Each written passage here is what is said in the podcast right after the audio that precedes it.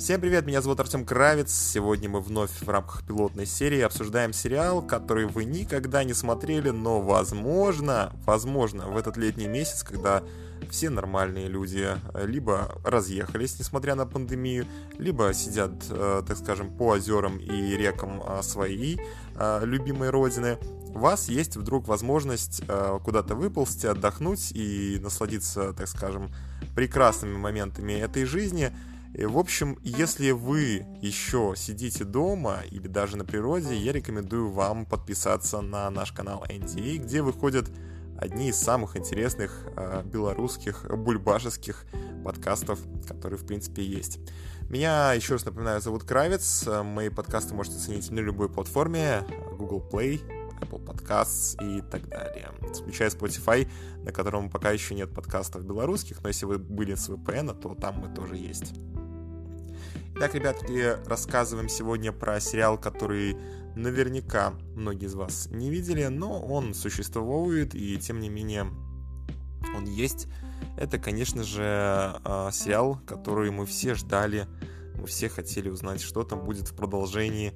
Многие голосовали а, за него, и на самом деле это не удивительно, потому что сериал этот «Флибэк», это второй сезон этого сериала, завершающий сезон, и этот сезон удивительное продолжение и завершение сериала, который, в общем-то, был очень нишевым. Он, во, всяк, ну, во всяком случае, среди моих друзей очень мало человек его смотрело, но а, Кинопоиск про него сделал отдельный ролик, и всем заинтересовались, а, потому что в первую очередь во втором сезоне вдруг появился Эндрю Скотт, но он там появляется буквально там в третьей, четвертой серии, то есть даже, по-моему, немножко раньше.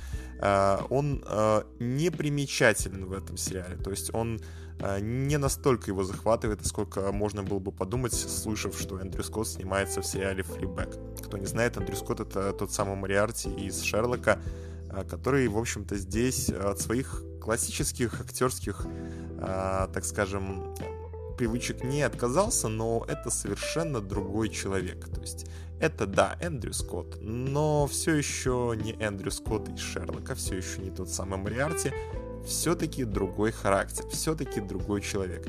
Но с такой вот остринкой, что называется. Немножко нелепый, немножко удивительный, но очень примечательный и вписывающийся в концепцию сериала. Что удивительно, изменился героиня во втором сезоне Флибэк. Она, прямо скажем, немножко взяла себя в руки на какой-то момент. Вот в первой серии кажется, что все, а, жизнь человека поменялась, а, что-то в его жизни резко повернулось в другую сторону. А, заработало кафе, а, улучшилось отношение с семьей.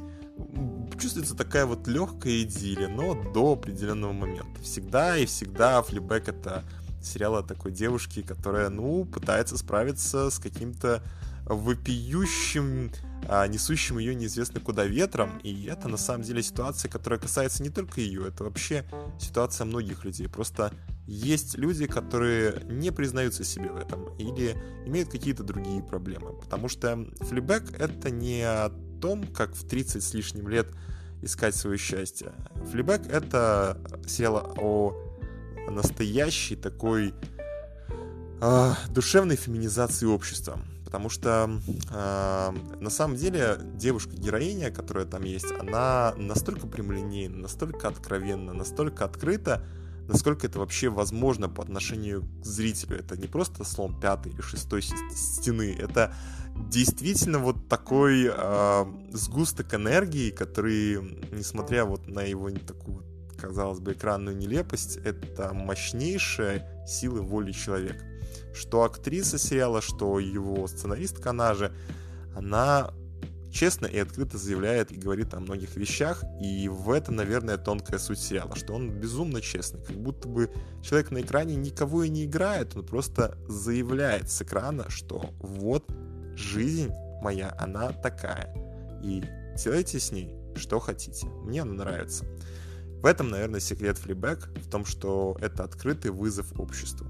Не рожать детей, не ногти себе мужика, не скажем так, придерживаться устоев общества, а быть самим собой и не чувствовать в 40-50 лет, что ты что-то бесконечно потратил в своей жизни, либо э, стал каким-то привычно успешным, если вдруг у вас такая ситуация.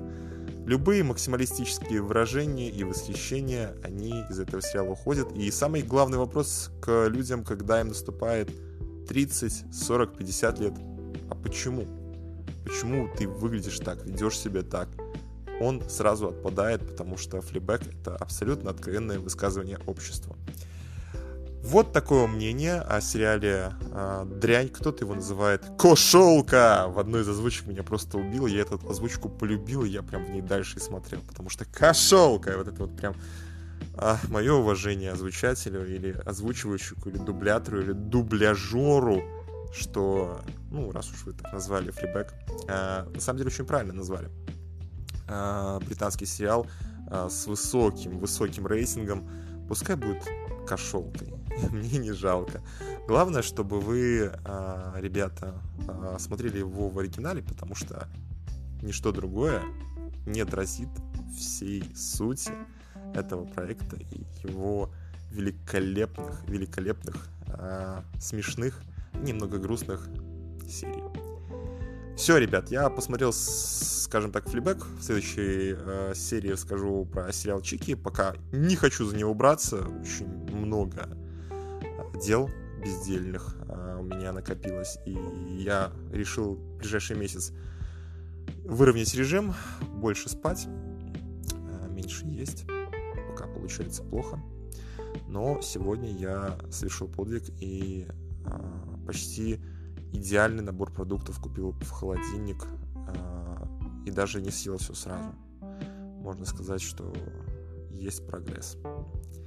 Да, об обжорстве расскажу в отдельном проекте. Это проект о ментальном здоровье. Подписывайтесь на канал Энди во всех соцсетях. Целую, пока.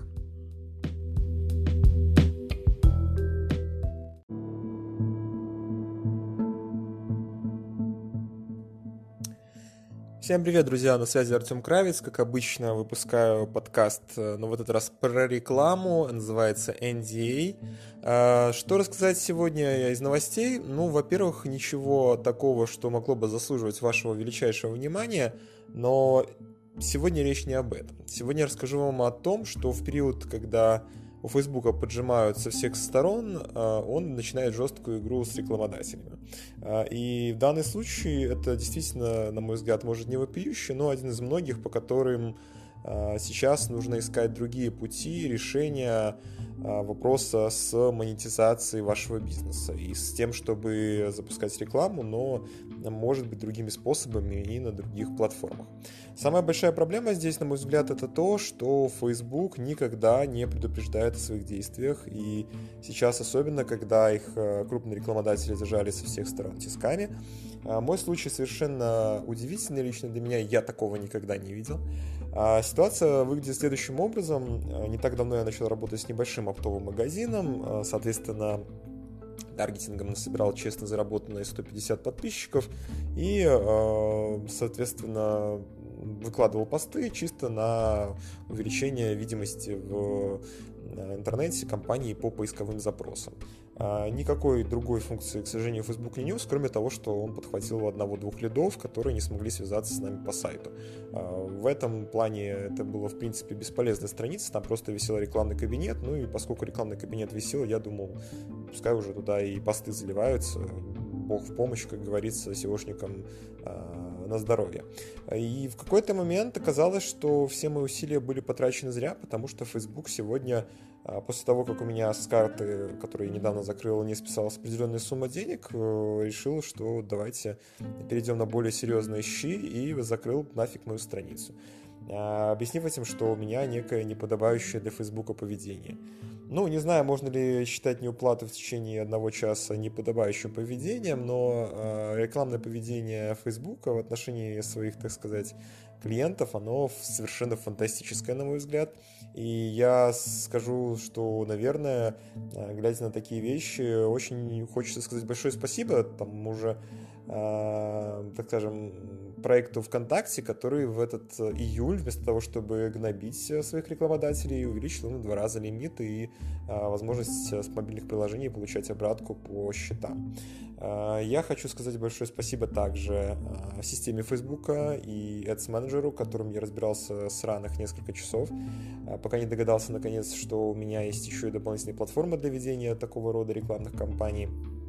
А, я хочу сказать, что ничего более убожеского нету, чем Facebook менеджер в ответ, так сказать, на их действия. Ну, как говорится, злобу за злобу, ненависть за ненависть, а, а агрессию за агрессию. А, и также хочу сказать большое спасибо, что сплит-тесты, которые я вел, успешно провалились благодаря тем прекрасным, замечательным настройкам аудитории, которые не соответствуют вообще никакой правде. Я замерял серфлинком и определил, что таргетированную рекламу на Фейсбуке у меня скликивали чаще всего.